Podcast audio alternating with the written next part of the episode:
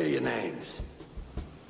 Mr. Brown, Mr. White, Mr. Blonde, Mr. Blue, Mr. Orange, Mr. Pink. Why am I Mr. Pink? Because you're a faggot, all right?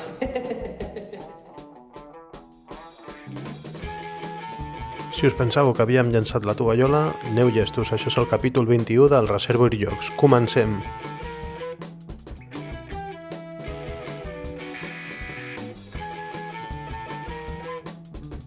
Avui és dijous 26 de setembre de 2013. Acabem d'arribar de, de, de la conferència inaugural de les Correjocs 2013, unes jornades organitzades pel Club Amatent de Sant Vicenç dels Sorts.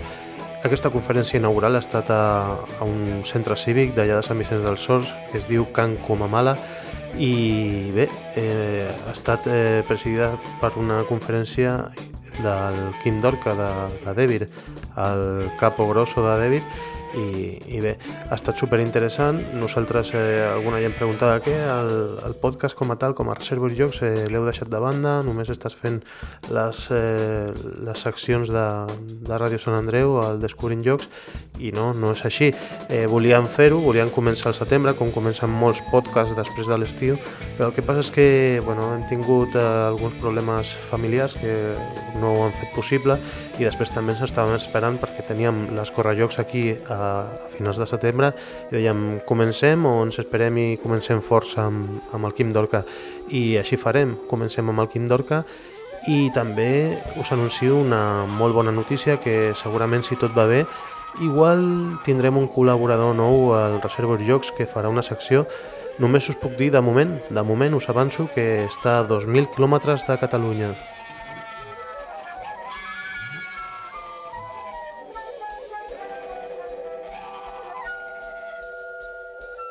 L'àudio que escoltareu a continuació és eh, tota la conferència del Quim Dorca, eh, una conferència que es titulava Els beneficis socioculturals dels jocs de taula i la viabilitat de la publicació de jocs en llengua catalana. Eh, ho ha dividit en, en dues parts i ha seguit molt eh, el que, bueno, del que anava la conferència i, i primer ha parlat dels beneficis i després ha parlat de, de la publicació, que és un tema que, que està molt... Bueno, que és, és controvert perquè eh, estem veient editors que no donen el pas de, de publicar en català i bé, eh, el Quim no ens ha descobert res, però ens ha deixat tot molt clar, no? I és la gràcia, ell deia que és una part del pastís que si no se l'estan menjant ara, després se la menjarà tota ell, o sigui, eh, té tota la raó, creiem, i si no ho valorem nosaltres eh, des del Reservoir Jocs, que és el podcast de jocs de taula en llengua catalana, eh, qui ho valorarà, no? Eh, estem fent l'aposta per la mateixa llengua que de Vir i, i bé, eh, l'agraïm també que hagi estat tan clar perquè, bueno, a vegades eh, jo havia escoltat que a Dèvir el que no diu el Xavi Garriga ho diu el Quim Dorca i bueno, és això, el, el Xavi és una mica més eh, bueno, eh, és més reflexiu, es pensa més les respostes i el Quim és una mica eh, més visceral o, bueno, o no té tants eh, taps eh, a l'hora de, de parlar i també s'agraeix moltes vegades, eh, tot i que el Xavi el Xavi Garriga fa algunes excepcions amb, amb el Gurney, per exemple. El Gurney té, eh, té l'habilitat de, de treure-li bastanta informació important al, al Xavi i bueno, ja alguna vegada que anem a Madrid ja li direm que ens expliqui com s'ho fa perquè és una habilitat que m'agradaria tenir també a mi, però bueno, això ho deixem per, per entre podcasters, no?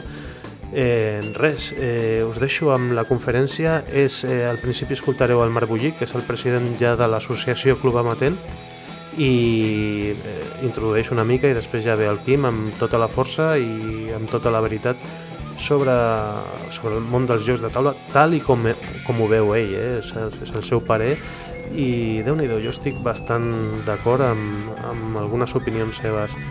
Eh, espero que us sigui interessant, el Correjocs eh, ha donat el tret de sortida i jo estaré allà tot el cap de setmana. Si us voleu passar, esteu convidats.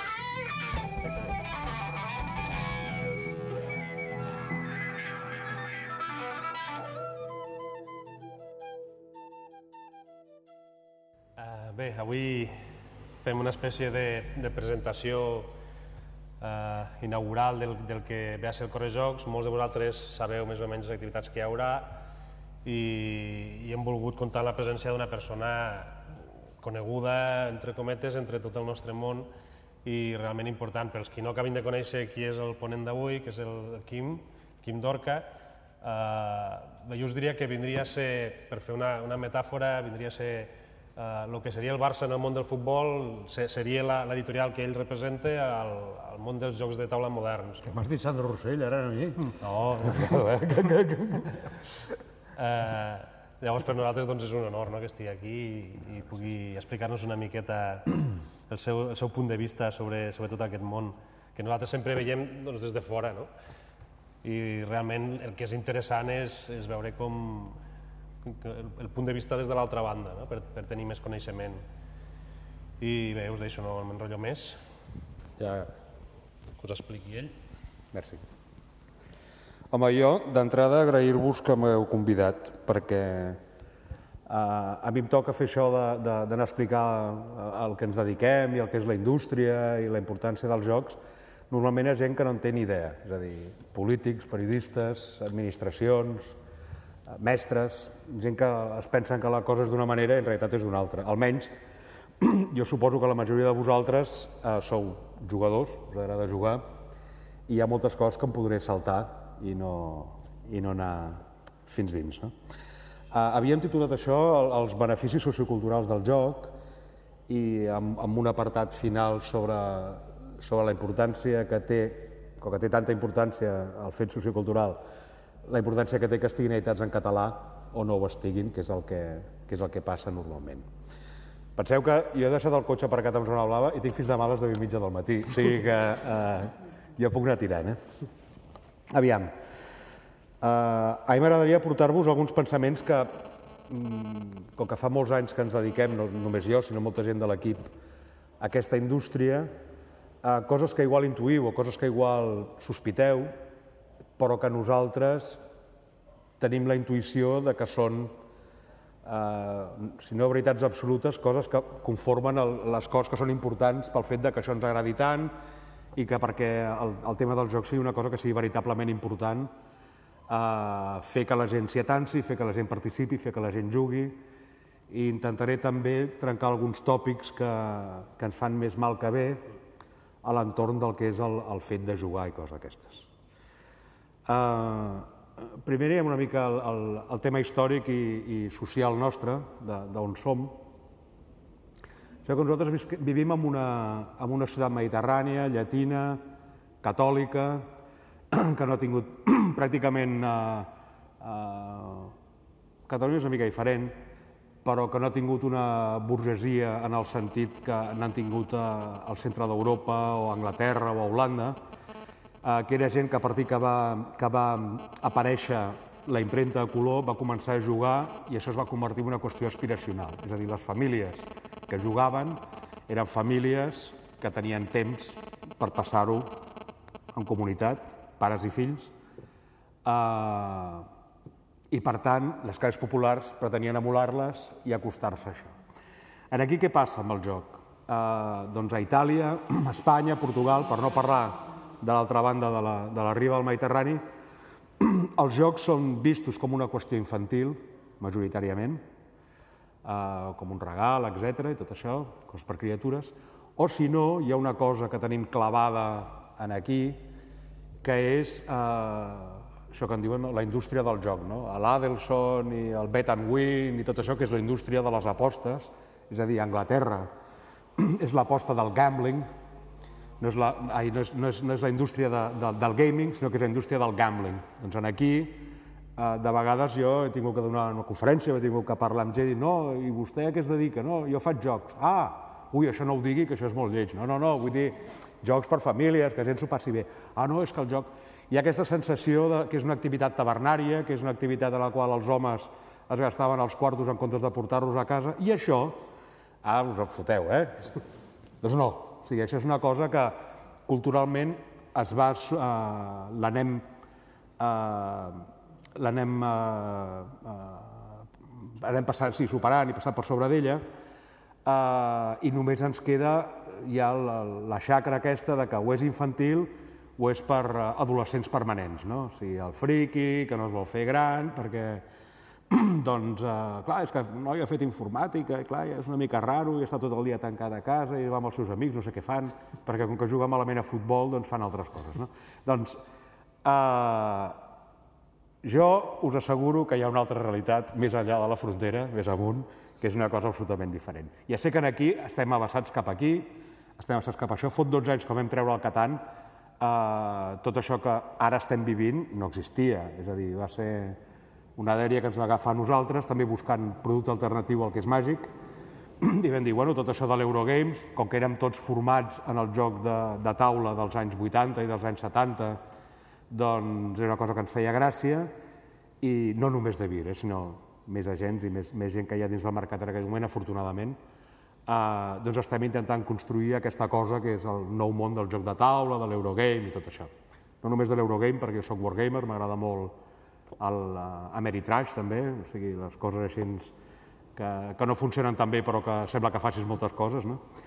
Però, bueno, aquí estem. I francament la indústria s'està desenvolupant molt bé, cada cop es ven més, cada cop estem més ben rebuts, cada cop ens donen més cobertura als mitjans de comunicació, cada cop quan expliquem les coses s'equivoquen menys. Important. I eh, aquí m'havia apuntat sobre això de la història, no? dels caus europeus, us parlava una mica això de que la borreria d'aquesta manera i tal, i clar, a Alemanya tens aquest fenomen que les famílies va tot jugant, però Anglaterra això ho va liderar el Bridge i el Whist, coses d'aquestes. Eh, a Prússia, també us el fotreu, però el fet de que el Wargame s'inventés a dins de les acadèmies prussianes també va fer que l'aproximació a l'evolució de les CACs fos molt important com una qüestió que s'havia d'emular a dins de les famílies, etc i tal. Però bueno, aquí tenim eh, el que tenim i anem molt bé i sembla que estem molt millor de fa 10 anys i fa de 20. Vale. Uh, ara us parlaré de dues coses que ens fan mal com a, com a indústria, quan anem a parlar amb administracions, anem a parlar amb escoles o se'ns ajunten pedagogs amb una taula rodona, que és una cosa terrible que no sé si us heu plantejat mai i si us heu plantejat, no sé si estareu d'acord amb mi, però jo crec que això és una veritat ontològica. Després, la societat després de la Segona Guerra Mundial, de la societat aquesta de, després de la Revolució del 68, el, el cau i fem lliures als fills, que si farem lliures als homes i tot és meravellós i tal, eh, va portar diverses conseqüències a dins del que és eh, l'univers lúdic i les coses que fem a l'hora de, de jugar a jocs de taula. Una cosa és bona, que és la, la popularització del joc de taula clàssic, ho va infantilitzar en el sentit de que era un regal que es feia per Nadal, eren jocs que es regalaven, eh, jocs que es jugaven quan no hi havia tanta presència de televisió, quan no hi havia, tant, no hi havia internet, no hi havia mòbils, no hi havia res, eh, però que van esdevenir aquest fenomen que ara és el que es troben les, els grans drivers de la, de, del joc de taula històrics, com Mattel o com Hasbro i tot això, de que eren jocs que es regalaven més que jugar-se. És a dir, que una cosa que es regalava per Nadal, eh? o sigui, com la màgia borràs, que tothom ha tingut una i ha jugat el dia de Reis i no ha jugat mai més. No? Uh, clar, això es va trencar amb els Eurogames, però això ja, ja hi anirem més endavant. Però clar, va portar una altra, una altra conseqüència que per mi és dolorosa i xunga, que és que a algú se li va ocórrer dir que no, que és que el joc era didàctic i pedagògic i educatiu i tal, no? No! o sigui, no és veritat. És a dir, s'aprenen moltes coses a dins del joc, però això ens fa més mal que bé en el sentit de que hi ha una tendència dins del que és la correcció política de, del fet lúdic, de les coses que es poden jugar a l'escola i tal, doncs que han de ser o ètniques o tradicionals i sobretot que no, que no comportin marquismes ni, ni producte que sigui comercial, sobretot les cacs, les cacs és molt important perquè el nano si juga a cacs aprovarà matemàtiques, no, no és veritat, no és veritat, hi ha uns tipus d'intel·ligència que funcionen molt bé les cacs, però no tots els tipus d'intel·ligència funcionen bé els escacs. Segurament els gens que els agrada la matemàtica és probable que els agradi més els escacs que els que no els agradin les matemàtiques, però és una cosa per mi que és anterior al fet de que t'agradin les mates que no que t'agradi els escacs. No sé si m'he explicat, però això ens fa molt de mal, perquè l'objecte final de qualsevol joc és passar-ho bé i divertir-se. Això és el que és indestriable, el que és innegociable i les coses que nosaltres avaluem quan fem jocs, ja a nivell professional. O sigui, hem tingut grans referents, hem tingut molt bones llicències, molt bons dissenyadors, molt bones propostes, hòstia, però jugar als prototips, jugar aquestes coses, eh? hòstia, i això... O sigui, per què, jo per què m'he tirat aquí una hora perseguint un... un no, no, té, no té cap mena de sentit. No? O sigui, lo, lo essencial és que la gent s'ho passi bé, que hi ha moltes, coses de passar, moltes maneres de passar-s'ho bé. Eh? Si no és el mateix, ja ho sabeu, com a jugadors, un party game que, que un carcassón que jo tinc la, la maldicència aquesta de que per mi és com un joc de parvulari, que tothom juga de costat però tothom juga per ell mateix, o el que és un Catan, que és una cosa molt més interrelacionada i tal. Tothom té el seu joc, és a dir, eh, la gràcia d'aquesta indústria és que hi ha tants caps, tants barrets.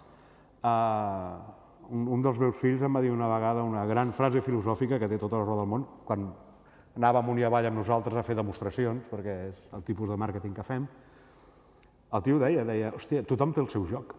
És a dir, eh, l'Oriol Comas, que avui no ha vingut, hi ha una frase seva que és molt bona, que diu, hosti, és que tothom ha jugat quan era petit i quan es fa més gran, si ho torna a provar amb l'entorn adequat, les persones adequades i la cosa que s'ajusti una mica a les seves expectatives, tothom redescobreix que el joc és sensacional.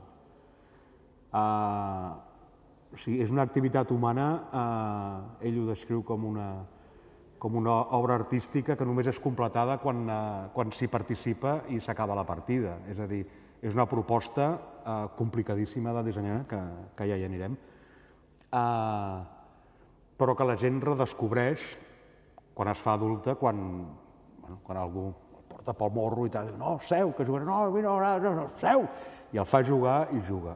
Dedicant-se a això, és una benedicció. bueno, una benedicció. Jo he volgut dedicar-me a això tota la vida i afortunadament ens ha anat bé tot això, però penseu que som poquets i, i, i és un privilegi absolut. Sobre això el tothom té un joc i, sobre, i tornant una mica a això que us explicava dels escacs, eh, és que no tots els jocs són per tothom. I aquí hi ha una cosa que, que és important que sapiguem quan nosaltres editem, i quan nosaltres dissenyem intentem adreçar el tipus de mecànica, el tipus de contingut, el tipus de llicència, el tipus de preu a la gent que considerem que acabarà comprant-lo i jugant-lo, perquè hi ha jocs que són molt bons però són molt frustrants. I m'explico. Uh, I mira, parla, en comptes de parlar de la competència, parlaré d'un joc nostre.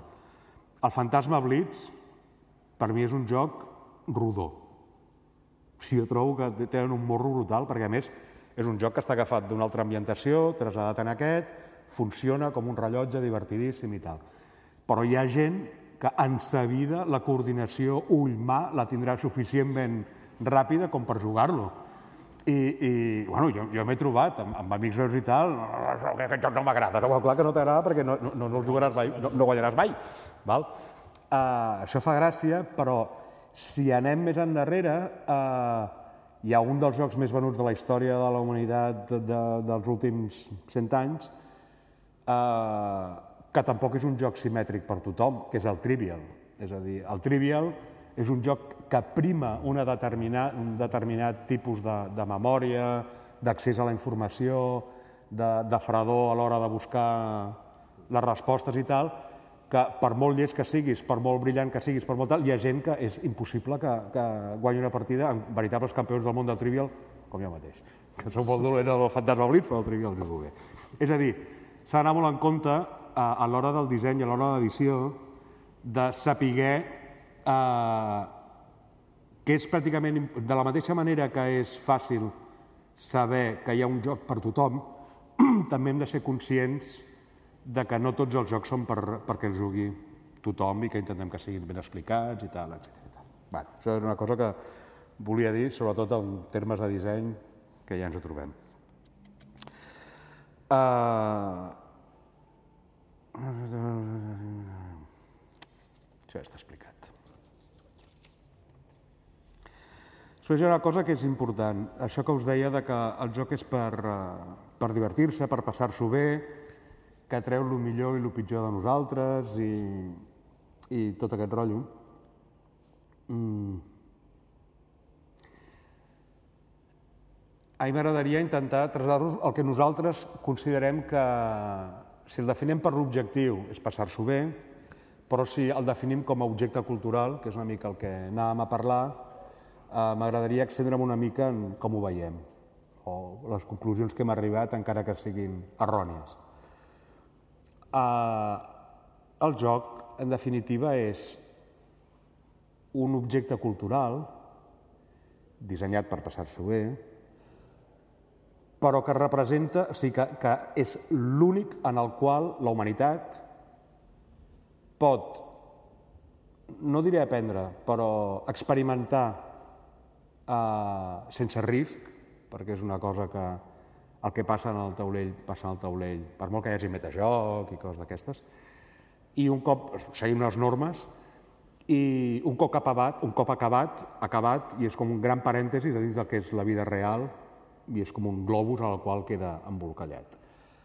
Això, eh, sí, és veritat, ho pots fer de manera passiva veient una pel·lícula, una sèrie de televisió, observant una obra d'art, que també tens una sèrie d'experiències de, emotives o, o una sèrie de, de, de qüestions més de caire emocional, filosòfic, de, de, del que representa allò per tu, però el joc tal com l'entenem nosaltres, eh, clar, és una experiència social, presencial, amb més d'una persona, i de la que s'extreuen eh, aquestes experiències que podem, podem repassar. No? La primera de totes, i això és una cosa que els nanos fan de manera natural, però que quan entren dins del joc reglat ho aprenen, és una cosa que jo no veig que s'ensenyi ni a l'escola ni malauradament a les famílies, ja, que és aprendre a guanyar i aprendre a perdre.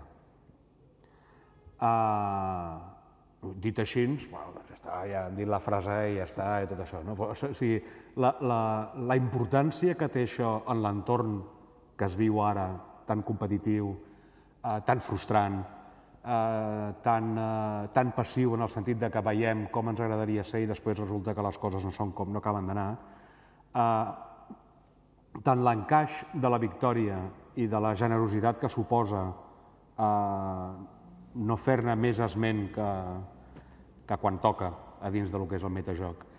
I l'encaixar la derrota eh, aprenent de la segona cosa important que ens ofereixen els jocs de segona generació, els Eurogames, que és la, la cultura del fracàs, és vital. Per mi és una cosa que jo tinc la sensació de que els editors de jocs estan oferint dins de l'ítem cultural a la gent, i que jo no veig per enlloc més al meu voltant, en, en termes d'objecte cultural.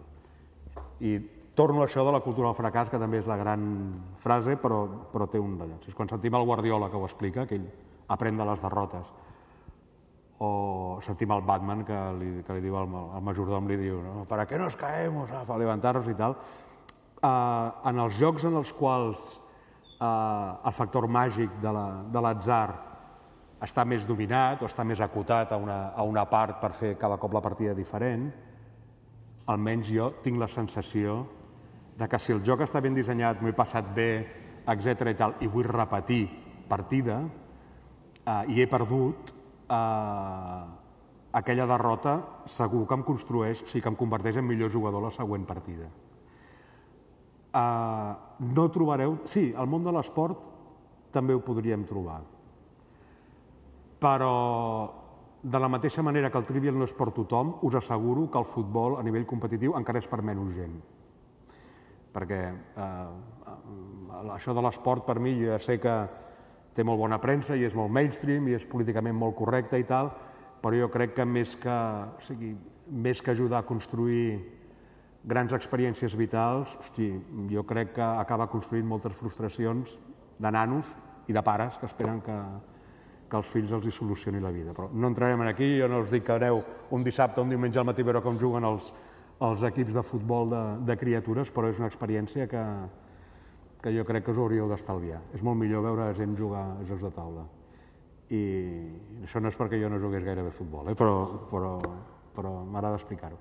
La cultura del fracàs és una cosa important, perquè sense aquesta, aquest factor tan anglosaxó i tan americà de, de que les, eh, els fracassos o les coses que no tirem bé o no acabem de, de fer anar bé, ens enriqueixen i ens fan fer-ho millor el següent, la següent, el següent cop. No hi hauria emprenedoria, no hi hauria gent que canvies de carrera i intentés fer una altra cosa, no hi hauria gent que agafés les maletes i s'anés a una altra banda i intentar una altra història. Això és molt important.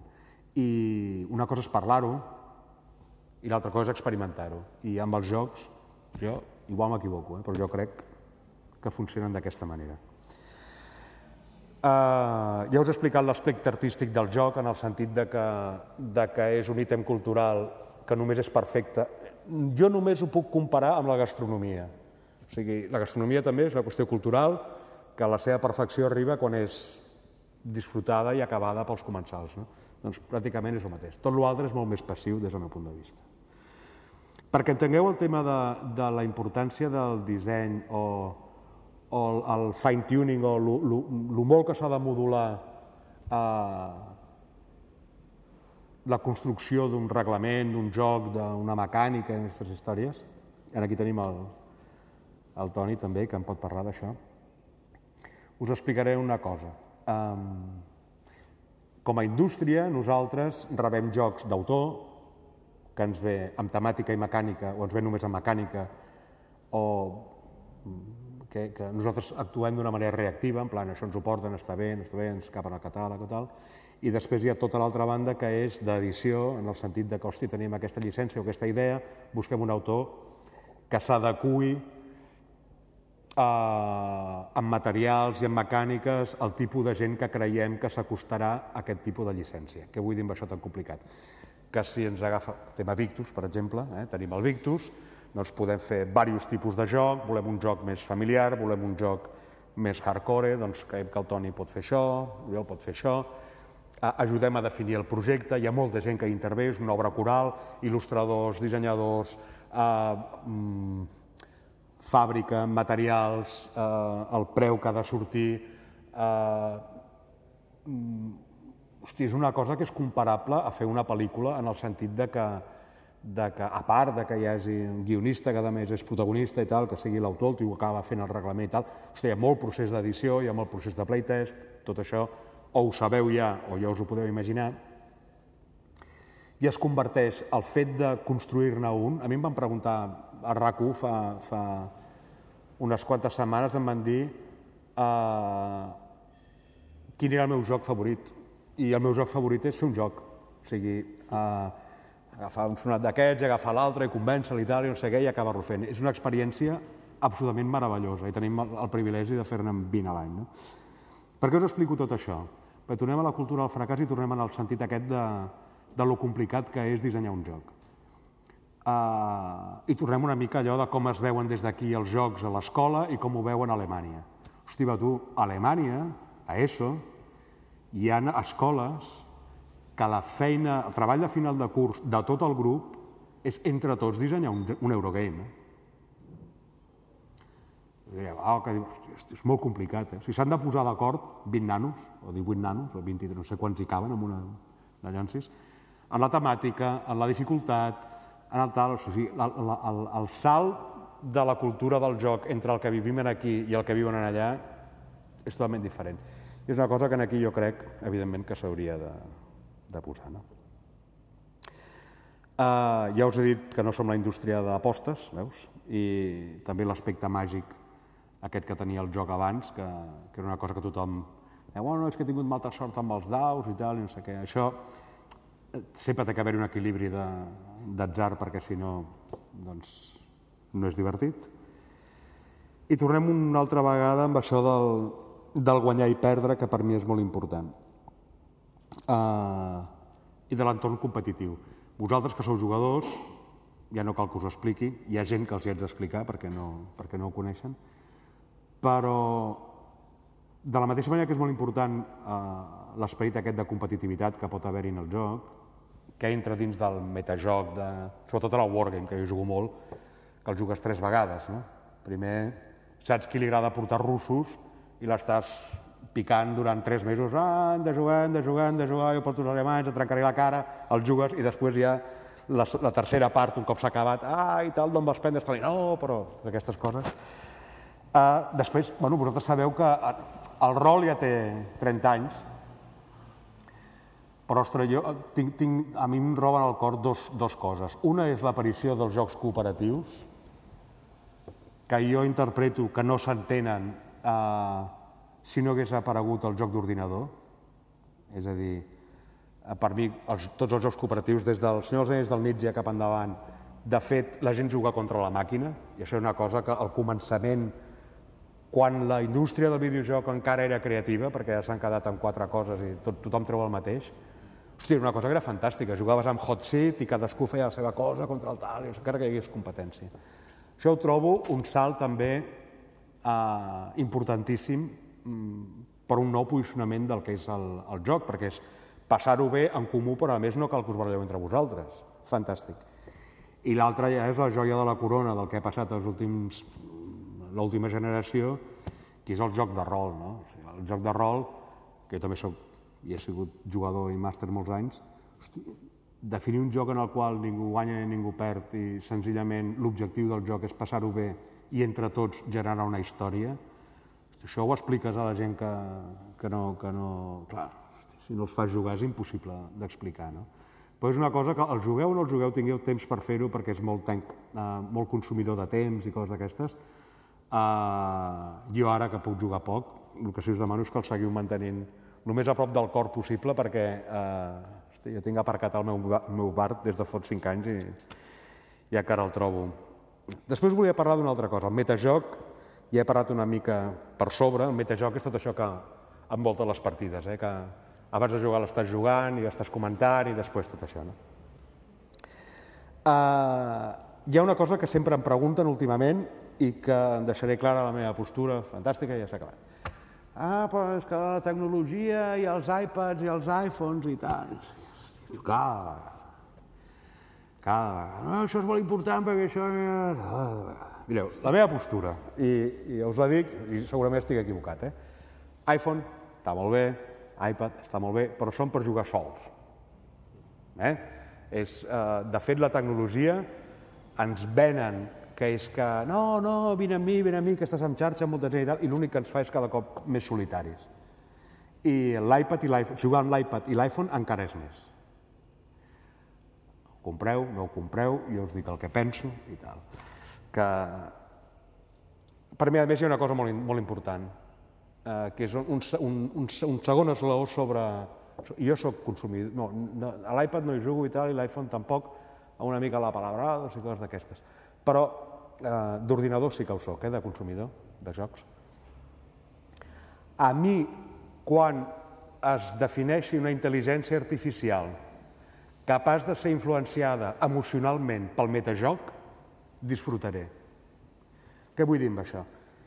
Si jo amb els meus amics jugo en Empires in Arms, que hem jugat, en els últims 25 anys hem jugat 6 partides, ells ja saben com jugo l'Empires in Arms. Ells ja saben que si porto el francès, eh, hòstia, sóc un màquina, i si porto el prussià, doncs sóc molt dur, i si porto el rus m'avorreixo com una hosta. Tot això ells ja ho saben, i són influenciats per aquesta experiència que ja han viscut també de les partides que han jugat. Uh, la intel·ligència artificial no reacciona. És a dir, jo estic portant amb un, amb un joc de la campanya de Barbarossa, Barbarossa no, uh, 1942, i prenc a Stalingrad, i, uh, amb l'Alemanya, evidentment, uh, ostres, jo tinc un subidon que probablement el següent torn mm, faré malament, eh? Però vull dir, el rus en aquell moment té una pressió emocional que una màquina mai serà capaç d'interpretar. Doncs quan a mi m'expliquin que les intel·ligències artificials són influenciables emocionalment, aleshores jugaré a l'iPad i jugaré a l'iPhone. Uh, una altra cosa que us volia dir és això de la crisi absoluta de la creativitat en el món del videojoc des de que factura més de Hollywood.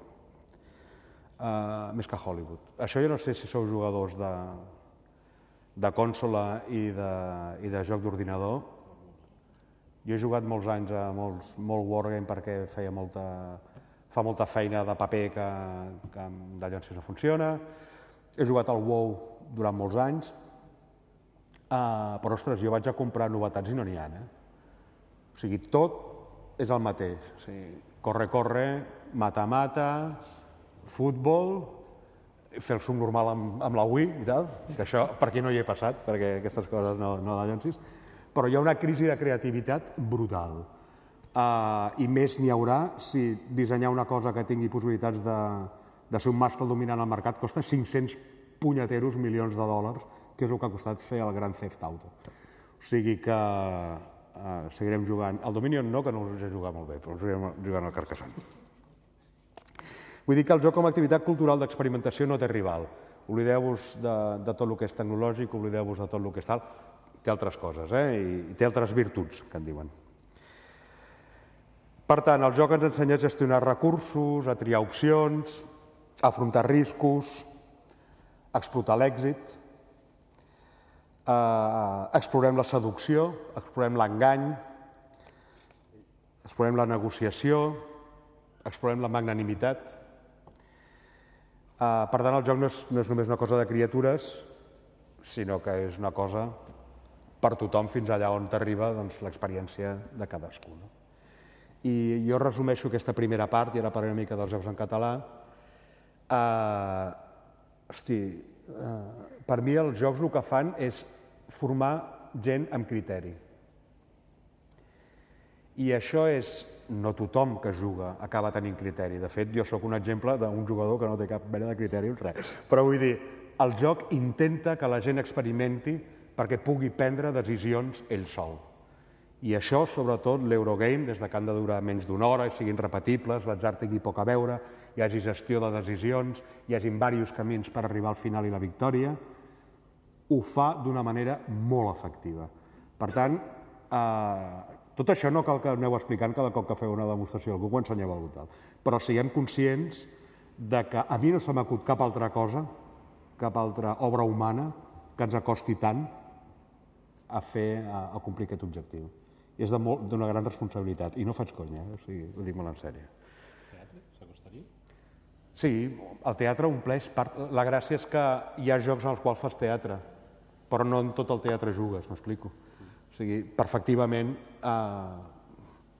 sí, és una, és una part, no? Bon, també, la matemàtica, també eh, és una cosa que pots jugar molt amb la matemàtica i pots jugar amb, amb gent però és només un...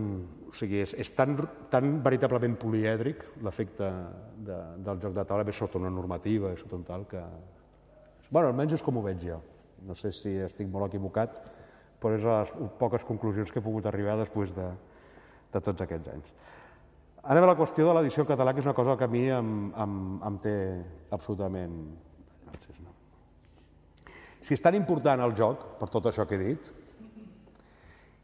i, a més, eh, hi ha una altra cosa que és el món imaginari dels referents, etc. Eh, sobretot referents heroics, que ens venen a través del cine, de Hollywood i totes aquestes històries. O sigui, el fet de que no hi hagin jocs en català, a mi sempre eh, ho he trobat una injustícia eh, terrible, perquè és probablement... Eh, quan ets un nano i vius aixoplugat dins de l'escola, eh, de TV3 a casa, o de, de, de, de la lectura recomanada en català a l'escola i això, de sobte, hosti, vas a jugar i el joc, noi, doncs has de passar a parlar-ho i és en castellà. Mi era una cosa que igual no és important, eh? però per mi ho era molt. Uh, I us explicaré per què. O sigui, Fixeu-vos que en aquest moment només el 6% dels jocs i joguines que es comercialitzen a Catalunya, al Principat, només el 6% són en català. O sigui, hi ha un... és molt pitjor que, la, que, que, que, que ens puguem trobar en qualsevol altra activitat cultural que hi hagi. Això, a més, està, encara és més gravós pel fet de que eh, les indústries tradicionals no multinacionals del mercat espanyol són catalanes. No nosaltres, altres que han estat aquí durant molt de temps. Jo això no ho entenia i per això estem tan capficats en treure jocs en català.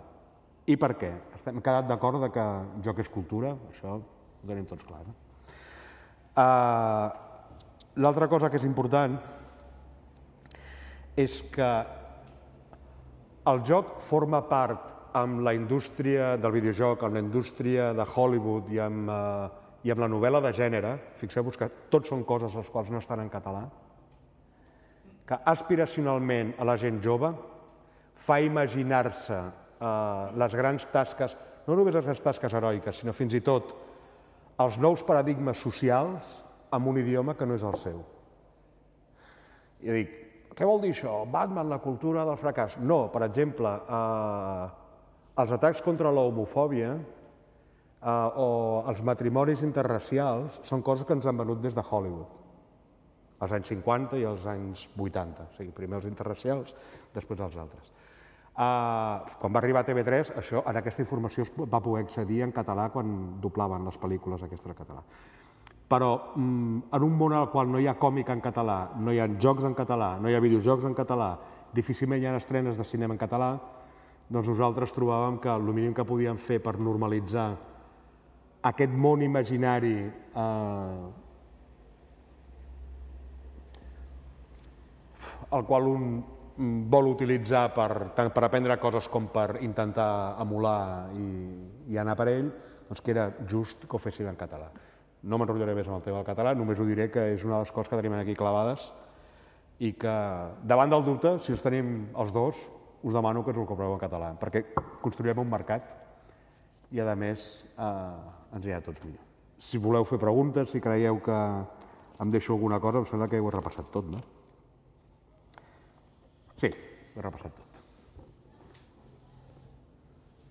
El, el teixit associatiu que, que s'està formant ara amb els jocs de taula, per exemple, vosaltres li, li doneu molt, molta importància, no? perquè jo he parlat amb, amb altres clubs i sempre diuen que, que David eh, sempre, sempre respon. M'agradaria que, que expliquessis per què. Uh, primer de tot perquè d'entrada nosaltres som jugadors. O sigui, jo jugava a casa amb el meu germà, després uh, amb un grup que jugàvem a joc de taula, després a MS a jugar a Wargames i a rol i no sé quantos, i nosaltres ens ho estimem perquè venim d'allà. Aquesta és la primera.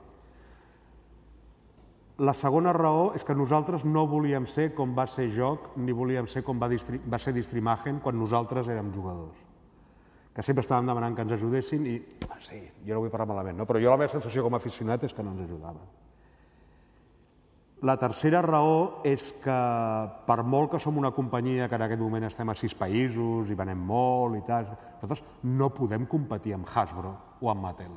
Jo no em puc posar, ni tan sols amb 17, jo no em puc posar a barallar-me amb campanyes de televisió. Uh, per tant, l'única forma que tenim nosaltres per construir un mercat sòlid, consolidat, tal, és, punt 1, fer el millor producte que trobem i puguem agafar les llicències. Jo crec que haurem tret algun trunyo, però, però mm, molt poquets. O sigui, tots els jocs que traiem intentem que ens agradin primer nosaltres. Aquesta és la primera. I segona, està com més a prop millor a la gent que veritablement juga. Encara que ens comprin lo nostre o comprin lo dels demés, o tal, perquè són les úniques eines de, de, de màrqueting que tenim a l'abast perquè encara som prou joves i jugadors com per saber del que parlem i que, a més, eh, en termes de, de difusió del producte que fem, eh, són els nostres millors aliats. O sigui, jo sé que si vosaltres eh, jugueu els nostres jocs i us agraden, perquè els jugueu, és una cosa que no he explicat abans però que ve a col·lació, eh, eh, fareu que més gent els jugui i els compri, que definitivament doncs, el que farà és fer la companyia més sòlida d'aquestes històries. Una cosa important que he dit que no he explicat, però, però que ho entendreu. Quan les grans multinacionals nord-americanes van estar vivint de, del cuento, fent sempre els mateixos jocs durant 50 anys, perquè no hi havia altres formes de lleure, o sigui, hi havia l'iPad, per entendre's, eh, van acabar fent jocs que es regalaven per Nadal i no jugaven. Això jo crec que estarem tots d'acord en el fons de la, de la qüestió. Clar, ells han patit l'aparició de l'iPad. Perquè ara els pares, per Nadal, en comptes de regalar el risc de luxe, regalen una, un iPhone o regalen una altra història. Perquè és un regal per regal. Clar, nosaltres no ens anem a barallar amb això. Nosaltres al llarg de tot l'any traiem producte perquè jugui. Perquè, bueno, alguna cosa sí que traurem que, que igual no la jugarà tothom, no? Però nosaltres és un altre... A nosaltres no ens afecta el tema de la, o sigui, quan jo parlo d'una forma tan abrandada del tema tecnològic, no és perquè em tregui vendes, és perquè jo considero una experiència que és diferent. però la, la fórmula que nosaltres trobem és estar quan més a prop vostre millor. I jo, mira, avui vinc... Jo, jo vaig molt poc a, molt poc a, a conferències, però ara m'han convidat de, de la Universitat de Salamanca, que vaig allà a veure si em porto uns papers cap aquí, a, a fer un, un, un mini... El que he fet aquí una mica més ampliat pels tios d'econòmiques, perquè, hòstia, els fan jugar al Twilight Struggle als tios d'econòmiques, no? I vaig allà a explicar-los el que és un car driven. I pobrets fliparan, no? Que faig. Però ho intentem. I agraeixo que la gent digui això, però és que em sembla... No sé si són 700 o 1.500, però aproximadament direm 1.000. O sigui, hi ha 1.000 events a tot Espanya que es fan al llarg de l'any i intentem ser-hi a tots. O sigui, anant-hi no, però anant-hi enviant coses, enviant material, enviant producte, enviant tal, perquè són els millors ambaixadors que tenim. Tinguéssim mal producte no ho faríem. Bona nit. Bona nit. Eh, quan has parlat de les noves tecnologies, Sí, eh, t'has referit a elles exclusivament com a un element sí, per jugar. O sigui, sí, referit a elles només com una interfície en la Sí. el jugador accedeix al joc. sí, Comparteixo part de les teves crítiques, Sí. crec que t'has deixat una part que, que penso que és fonamental, sí. que és la facilitat que tenen aquestes tecnologies per crear comunicat, com- comunitat. sí. I crec que això va al fil del que estaves dient ara. Sí, sí, sí. Crec que sense internet un board game geek, una base de dades com board game geek hauria sigut absolutament demencial i impossible. I eh, el tipus de comunitat que s'està creant ara... Ah, jo, jo estic totalment d'acord. Creus que les editorials esteu aprofitant prou bé tot el, el, tsunami que arrosseguen aquestes tecnologies? Home, uh, nosaltres tenim una companyia en aquest moment molt gran gràcies a que Màgic va ser el primer joc global que va crear una comunitat a través d'internet. O sigui, jo ja hi era.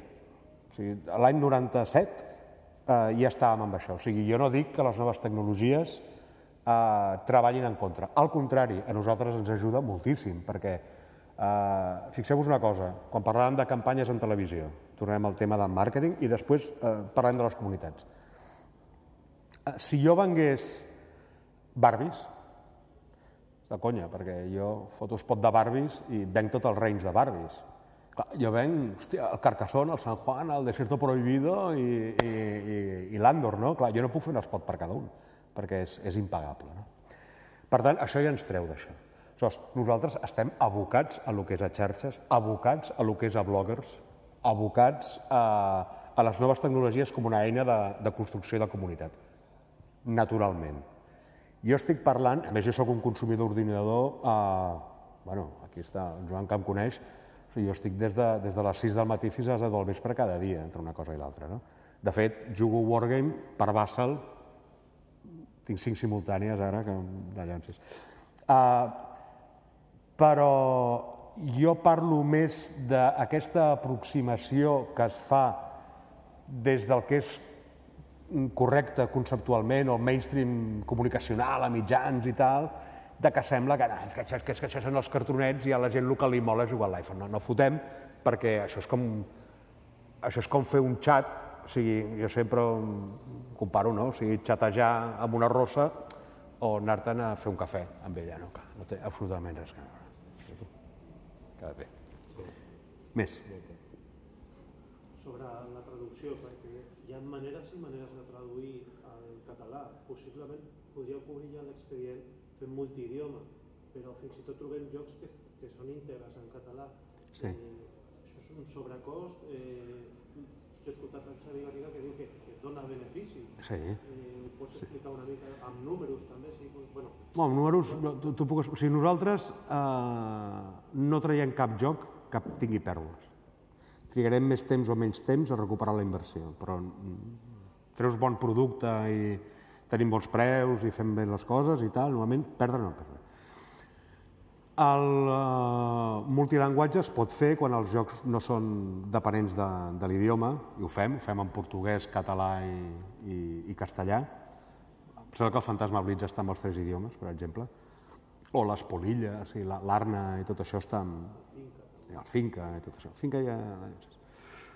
Però és que jo em crec que aquest país pot tenir un mercat eh, monolingüe en català. Jo m'ho crec personalment. i trobo que és injust que els altres editors no facin el mateix esforç, perquè si no existeix aquest, eh, aquest mercat és senzillament per una voluntat de no mullar-se amb una cosa que pot ser conflictiva a l'hora de. No conflictiva en aquí, eh? però tal com es ven a la multinacional o tal com es ven al. Uh, jo t'ho diré amb números, no d'ara. O sigui, els dos primers jocs en català que Servidor ha posat al mercat va ser el Monopoli en català i l'Scrabble en català, quan estava a Borràs a finals dels 80. Scrabble, Spears, s'ho va quedar Mattel i Monopoly, Parker, s'ho va quedar Hasbro. En l'actualitat, Hasbro té un joc en català en catàleg, que és el Monopoly. I Mattel en té un, que és l'Scrabble en català. Vale? O sigui, no han fet absolutament res perquè això no interessa. I ja aleshores passava el següent. Monopoli en català, vendes a l'any. No, monopoli popular, vendes l'any, 50.000 exemplars. D'ells, 20.000 a Catalunya. Trec la versió en català. Venda del monopoli en castellà a tot Espanya. 40.000 jocs. Venda del monopoli en català, 20.000. Doncs tu fas els números, vens, has passat de vendre'n 50 a vendre'n 60. Val? Però has tingut fet tot l'esforç intern de convèncer a tothom, anar a picar a la botiga, referenciémelo, por favor, para sus centros en Barcelona, totes aquestes coses que a gent li fa mandra. Val? Uh, a mi m'és igual si els altres els hi fan mandra. Quan els altres vulguin fer jocs en català, nosaltres estarem ocupant el 60% del mercat. És una qüestió de negoci, també. És que jo m'ho cregui. Però jo em crec el mercat holandès. I el mercat holandès, ells podrien vendre-ho en anglès, eh? I fan en holandès.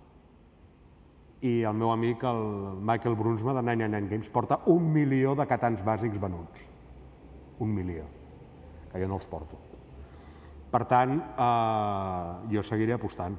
I si els altres no ho fan, doncs malament pel país, bé per mi.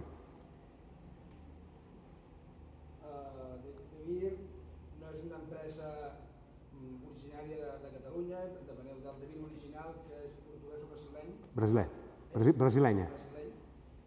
Uh, llavors, com es ven a l'empresa mare que vols començar a treure un producte amb un idioma que en principi allò que et vist des de l'altra banda de l'Atlàntic és minoritari i a més a més que això es fa després amb jocs que ja porten un temps trillant el mercat, com va ser Catan, Carcassonne, en, en el seu moment, i no, per exemple, aprofitar nous, nous productes perquè, per no anar a, a trepitjar mercat cremat, podríem dir, per producte en castellà prèviament. Primera per cansament, perquè jo sóc molt tossut. Uh, segona per business plan, diguem, no, no, vendrem més. O sigui, la, la, la menysventa que ens reportarà del producte en castellà a Catalunya serà compensada de llarg pel català. I després venent posicionament estratègic. És a dir, eh, hi ha un premi en aquí. O sigui, el qui construeixi un mercat... Això és com si estiguéssim al 1974 i fos l'únic editor de llibres en català. Tu. És exactament el mateix. Doncs que em tirin un galgo, perquè eh, jo el penso fer tants com pugui. I el dia que hi hagi el clic que el consumidor i el botiguer s'acostumin a que existeixen tots dos, i em demanin el català, serà tard per la competència. I això els meus socis ho han entès, perquè els, els he demostrat amb números. No els he dit, no, és que sóc molt catalanista i em fa il·lusió tenir... Això no. He dit, no, farem el català... Els vaig dir, editaré en català i vendré més jocs en català monolingüe que en portuguès i brasiler monolingüe i em van dir que estava sonat i ja estic venent més en català que en portuguès i brasiler. Doncs faves comptades, se'ls convenç així. A més, clar, has de tenir voluntat teva, no? perquè jo també ho hagués pogut fer, el dir, bueno, ja em va bé, em faig de fomento i aquestes coses. No. Més coses. No? Carai. Bueno, doncs moltes gràcies. Doncs ho deixem aquí. Uh, demà començarem a muntar tota la història i us esperem a tots el cap de setmana, els que no vingueu demà, doncs creuem els dits, és el primer cop que fem una cosa així Eh, agraïm al Quim que ens doni aquest suport, que vulguem o no sempre és una ajuda. Una última pregunta li faré. M'agradaria que ens donés el seu punt de vista, vist des de fora, tot el que estem intentant fer al Correjocs. Com Bueno, jo, jo, jo us admiro. O sigui, jo he tingut que fer coses d'aquestes. Jo, jo he fet tots els papers de l'AUC en aquesta indústria, perquè he anat a fer de demostrador, he muntat la GenCon, he fet conferències, posada llocs i tal. Jo eh, m'agradaria tenir més temps i, i, i menys anys per fer aquestes coses, perquè jo, jo, jo ho he intentat transmetre, és que jo trobo que és important. O sigui, jo, a part de ser jugador i que m'agradin, és que m'ho crec, que, que això és una cosa socialment... eh, di- Diré una cosa que és una animalada i que tothom em dirà que aquestes coses no es diuen. Però jo estic convençut de que les famílies i els amics que juguen plegats eh, es peguen menys. És a dir, eh, tenen molts menys problemes entre ells. Estic exagerant, però, però m'ho crec. I el Club Amatent en concret? Oh, jo sóc un fan vostre, tio, però què vols que et digui? Però, però, Però... però... és que a nosaltres ens falta aquest feedback, no? Molts Ah, cops. són uns potxolinos i fan tot molt bé, i comuniquen molt bé, i a més foteu una feina sensacional. Digue'ns una cosa que fem malament. Alguna cosa que feu malament? Mm... Que no m'hagueu muntat unes simultànies de For the People, tio, perquè em pugui aquí esplaiar amb la gent, tio, que és el que m'agrada fer a mi. Has tingut temps. Has tingut temps, llàstima. No, jo estic molt content i aquestes associacions i tal, hosti, m'encanta que tornin a sorgir perquè penseu que hi havia un teixit fantàstic en els anys 80 fins a l'any 94 que va haver-hi el trist succés de Madrid eh, que em va enganxar muntant la primera gent, com que va ser l'assassin- l'assassinato de los juegos de rol, que es va carregar tot el teixit de la península ibèrica d'un dia per l'altre, tots els ajuntaments van tancar l'aixeta, els van fotre fora, els pares, oh, on vas, i coses d'aquestes, i ara, només ara, jo diria que estem recuperant, des de fa 5 o 6 anys que ens estem recuperant d'aquell tràngol. I oh, jo encantat de la vida. Però per tancar ja la, tota, tota la xerrada aquesta, jo diria, i crec que parlo en nom de, de tot el club amatent, que la nostra gran satisfacció, a part de jugar i, i passar-nos-ho bé jugant, ha estat la interrelació de les persones. Tota la gent que veus aquí que puguin ser club amatent, no tothom ho és, hem aconseguit que tots siguin amics. I això és una cosa que no havia aconseguit amb cap altra cosa. és, nosaltres sempre diem, i això ve dels temps de Màgic, eh, Màgic era més competitiu, però nosaltres el que venem és una proposta, perquè la, una proposta cultural perquè la gent passi temps de qualitat amb la gent que s'estima. Això és el que fem. I, hòstia, doncs... No, i que va més enllà, Mola, no? del joc. I Sí, sí, no... Molt més enllà. Això. Bé, quan passes temps de qualitat amb la gent, doncs, doncs, bueno, molt que mola. I si a sobre els guanyes, encara millor. Molt bé. Doncs. Doncs moltes gràcies a tots. Vols dir alguna cosa? Estàs parlant abans de que eh, quan vas a comprar un videojoc o tal, que dius que tots són iguals, que són... que, és, que, que falta molta creativitat, no? Sí. Eh, realment no creus que passa igual amb el joc de taula ara mateix, que queda molt per descobrir encara el joc de taula, perquè hi ha temàtiques que repeteixen, o sigui, dinàmiques que repeteixen bastant, a vegades que sí que hi ha una... Bueno, la gent, la gent s'autocopia. Ara ja, jo crec que anem a, amb una, tenim una tendència a, a, a semblar-nos cada cop més a la indústria editorial del llibre. I això és una conseqüència del fet de que hi hagi autoria i el tipus de màrqueting associat que s'hi fa, que potencies l'autor i, potenci... i tothom quan es compra un nits ja sap més o menys que es trobarà el Celtis amb una altra versió. No, estic fent broma, eh? Uh, però uh, és cert que ara hi ha una superproducció, un excés de producció de títols. Però a l'hora de la veritat, quan fas... Clar, nosaltres podríem treure 250 novetats l'any, però vull dir, és una animalada, no? O sigui, has de, has de triar el que fas. Però hi ha una cosa que heu de tenir clares. Aquí, o sigui, els experiments a casa i amb gasosa. Mecàniques revolucionàries que canviïn paradigmes, n'hi han. La meva estadística personal em diu que hi ha una cada 10 anys. I un dia, secret, jo crec que això ho canvia, això ho canvia. Potser hi ha eh, eh, modulacions bones de que hi hagin coses i variables que passin cada 4 o 5 anys, però constitutives d'algú important, en plan preguntes-respostes, eh, jo què sé, Uh, rol, uh, uh, i ara em salto coses, eh?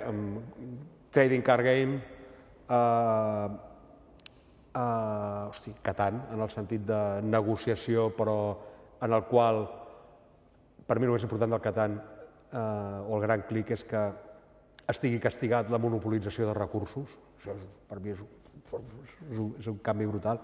Carcassonne, que exagero, però no deixa de ser un dòmino mm, molt ben parit i molt, molt evolucionat, no?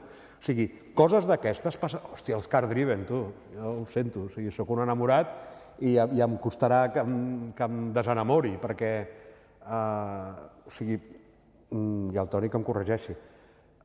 Um, jo sóc wargamer de, que jugàvem a, a, amb figures a l'any 68 a casa, 70, eh, amb un joc que es deia Metauro i un que es deia Little Big Horn i tal.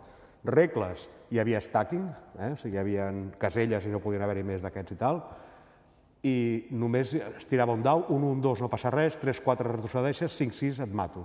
I la cavalleria tenia un punt d'avantatge. Era tot el que hi havia. D'allò vam passar a jugar, figures i tal. Sempre amb els jocs que trobàvem, anglesos, l'equilibri entre lo històric i l'atzar era una putada. Perquè si volies jugar Wargame napoleònic, volies que fos històric. Però quan més històric era, més avorrit era. Perquè no podies trencar un quadre d'infanteria, era impossible i tal, aquestes coses. Més atzar hi havia, més màgic era, menys real.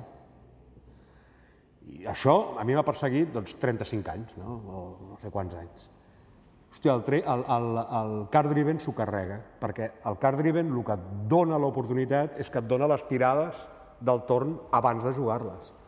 I tu tries quan tires l'1 i quan tires el 6.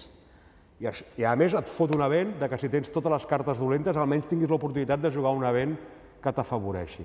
Per mi és un salt quàntic eh, de, de no perdre el factor d'atzar, però tenir una mica de domini sobre les teves pròpies decisions, que bueno, igual per la gent, com a jugador ara parlo, eh? no, com a, no com a indústria. Per mi ho trobo, bueno, mm, tant de bo se m'ho hagués ocorregut a mi. I, bueno, ara que parlaves de Wargames, esteu traient Wargames, Eh. eh, trobeu que esteu fent una nova eh, fornada de Wargameros o són els nostàlgics els que recompren el títol? Uh, jo sé que estem reproduint el que va passar amb Dungeons 3.0. Que la generació que es va formar amb Dungeons té criatures, amb prou edat per jugar. I els tios de 40 tacos no, però els tios que en tenen 45 poder tenen nanos de 12 o 13 que es poden entomar un wargame ja. I jo crec que és una qüestió generacional. El pare ho pot comprar per, per nostàlgia, però ja té colla Home, a casa el que ha ensenyat a jugar a Dungeons als meus fills sóc jo. Uh, I després ells tenen els seus, els seus grups de joc, m'explico. Uh, jo crec que és una barreja. I això es veu molt bé amb el cas de Dungeons als Estats Units. I l'èxit de la 3.0 a 3.5. I uh, jo crec, jo això m'ho crec amb el Wargame. I, clar, a més, siguent Wargame jo, Wargamer jo mateix. Ja veurem amb el Paths of Glory jo crec que el tenim tot venut. Tot venut. Qui el jugarà? Uh, home, els que ja el tenen i aprofitaran que està en castellà per ensenyar-li aquell amic que li fot mandra aprendre-ho en anglès i tal, i tota aquesta història. No? Però és que aquí no he volgut parlar de Wargames, però és que uh, en termes d'aprenentatge, tot el que t'ensenya un Wargame, tot el que t'ensenya de la gent que jugues. Allò que deia del jugador que li agrada portar russos, no? Xavi Garriga és l'home que porta russos. Però clar, és un tio que és metòdic, pacient, que abans de fer una cosa ho ha de tenir tot ben muntat. És, bueno, és un rus, no? Bueno, I jo què jugo? Home, jo jugo amb confederats, quan puc, no? I, i, amb, i amb alemanys. Bé, hòstia, doncs tinc poques unitats amb molta mala hòstia ficades en poc lloc i si te pillo, nen, o sigui, l'explotació de l'èxit la faig segur perquè és el que sé fer, no sé fer una altra cosa, no? Doncs eh, aprens de la gent amb la que jugues, aprens història, aprens a valorar... Mm, jo no conec cap wargamer que sigui militarista. Que li agradi el rotllo militar és una altra història, eh? però que sigui militarista en el sentit, no, tal, sé què, no sé quantos, no. que tenen un gran respecte per la gent que es va jugar la vida a la Segona Guerra Mundial que anava voluntària. Eh? O sigui, aprens, i a més que et fa llegir, una cosa que també fa el joc de rol, no? que si vols omplir de contingut les partides, o llegeixes novel·la de gènere, o estàs perdut. Això està, és, és jo no he volgut enrotllar-me abans amb el tema dels jocs en català, però és que és... Eh, T'estàs perdent la meitat de la vida.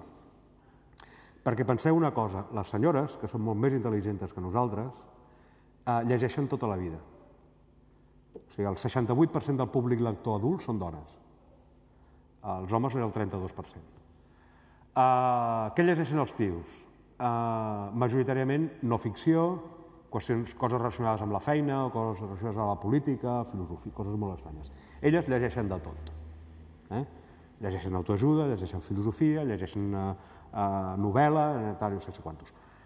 Aquest 32% de tios que té per costum llegir, que malgrat, ah, és que la indústria del llibre està morta i tal, aquestes històries, internet és un mitjà escrit per ara, majoritàriament, a part del YouTube i coses d'aquestes, majoritàriament ve de la novel·la de gènere.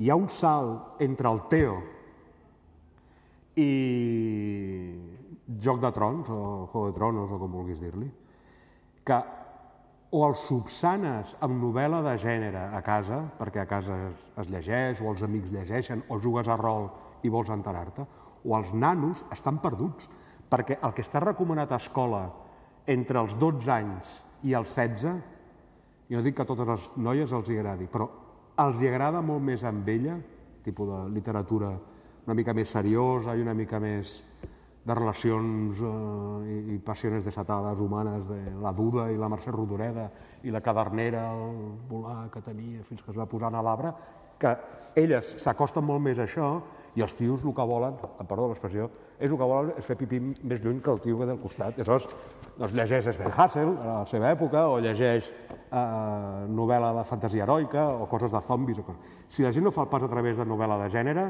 cagada la hemos. I això no es pot fer en català tampoc. O sigui, és un altre hàndicap que tenim com a cultura terrorífica. Jo vaig treure Juego de Tronos en català l'any 2002 o així, i me'l vaig menjar amb patates. Perquè la gent no hi creu, la gent no està acostumada, i la gent llegeix el Teo i llibres d'un gran calat humà com un que van fer llegir els meus fills, que es deia On és l'Ahmed? Que jo no sé si us l'heu llegit, però allò és un pamfleto de la multiculturalitat, avorrit, a més no poder, i que va fer que els meus fills es dediquessin a altres coses en comptes de llegir llibres. Naturalment. Perdoneu, eh? però sóc molt vehement amb aquesta cosa. Més coses? Sí. Els, has parlat abans dels videojocs també, i ara la comunitat de videojocs està posant de moda el, el que l'usuari mateix faci coses per als jocs, tipus mo- mods i coses així. Sí. En els jocs de taula heu pensat alguna forma de- d'implicar la comunitat a, amb els jocs? Home, uh, no, es pot, no es pot fer una cosa que la pròpia comunitat mm, rebutja. És a dir, jo vinc del, mod, ai, de, del món, no del mod, però de les house rules. És a dir, nosaltres quan jugàvem Empires in Arms, per exemple, a partir de la tercera partida havíem canviat les característiques nacionals de totes les potències. Uh, però si ara anem en un format de joc que són... Uh, que hi ha de tot. Però que volen ser tan perfectes i estar tan ben equilibrats... O sigui, ha, és que hi ha jocs en aquest moment, i no sé, és igual, el Ticket to Ride, que no és meu, que funcionen com un rellotge. O sigui, uh, les, característiques de de l'Eurogame eh, són vàries, eh? en diré algunes, sempre me'n deixo alguna, però que durin menys d'una hora, aproximadament una hora, que tinguin diverses formes d'acabar-se, que ningú es quedi fora de la partida a les primeres de canvi, que l'atzar sigui present però no sigui determinant, que el millor jugador acostumi a guanyar i que, sobretot, la cosa no acabi de decidir-se fins l'últim moment. Saps el que és? Fotre això dins d'una capsa i vendre-ho per 25 euros? O sigui, jo, jo, jo, jo em meravello. O sigui, llavors, clar, eh, eh, jo considero arrogant obrir aquesta porta. Jo prefereixo que la gent ens porti projectes o encarregar macro... les coses aquestes que fem els friquis, no? Vols fer un cap de setmana brutal, de, jo què sé, de Carcassonne, amb totes les ampliacions, dos de cada i tal, i equips de cinc, i però tires un dau i li agafes la fitxa a l'altre, jo què sé, sí, sí, però com, com un gran happening, no? O sigui, jo no veig que... Vaja, jo no estic... I sóc de... i utilitzo eh, en el WoW, o sigui, utilitzo tot el que surt i modifico i tal, i no sé què, però... Jo, jo t'ho dic perquè moltes vegades estem jugant a un joc i nosaltres mateixos diem, pues, per la pròxima partida fiquem això, o... Però això és divertidíssim, però això s'ha fet tota la vida. Clar, clar, les regles de la casa, no? Les regles de la casa s'ha fet tot. El que que això no es pot convertir eh, amb el que li passava al Monopoli. Que allò que he dit abans de que la gent que juga no es mata ni es baralla, amb el Monopoli passava. Perquè com que ningú es llegia el reglament, i mira que teníem la plana i mitja, a cada casa jugava diferent. I home, treure's els ulls no, però clavar-se un ganivet, no un ganivet, una forquilla, eh, doncs, doncs quasi sí, no? És a dir, uh, no lo pruebe delante de los niños, tot això dels mods. És a dir, amb gent que coneixeu molt, home, nosaltres ho fem, en Wargame ho fem, i ho fem molt. Jo, de fet, he jugat un For the People, uh, obligant a que entri en joc la vent de l'altre. Això és una brutalitat. I, bueno, o sigui, allò era incontrolable, o sigui, no es podia jugar, eh? però jo, jo també... Com vols que vagi en contra d'això que em dius si jo ho faig, no? Però no m'ho expliqueu. Algo més?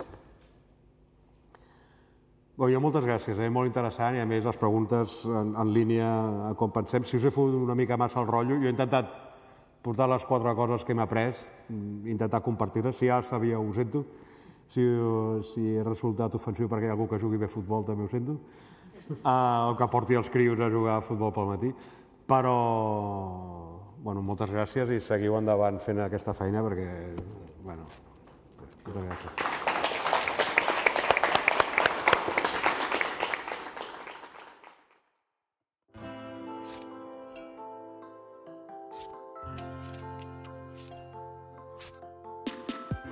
Això ha estat el capítol número 21 del Reservoir Jocs. Estic content d'haver tornat a gravar. Ja quasi se m'havien oblidat una mica els controls del, del GarageBand i tal, però bé, eh, és, una, és un plaer tornar a fer-ho.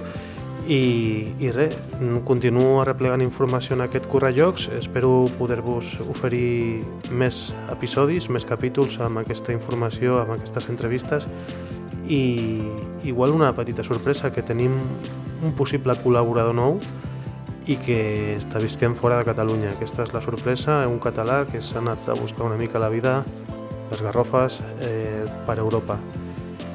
Gràcies per seguir-nos, estem a reservojocs.cat. Ens veiem.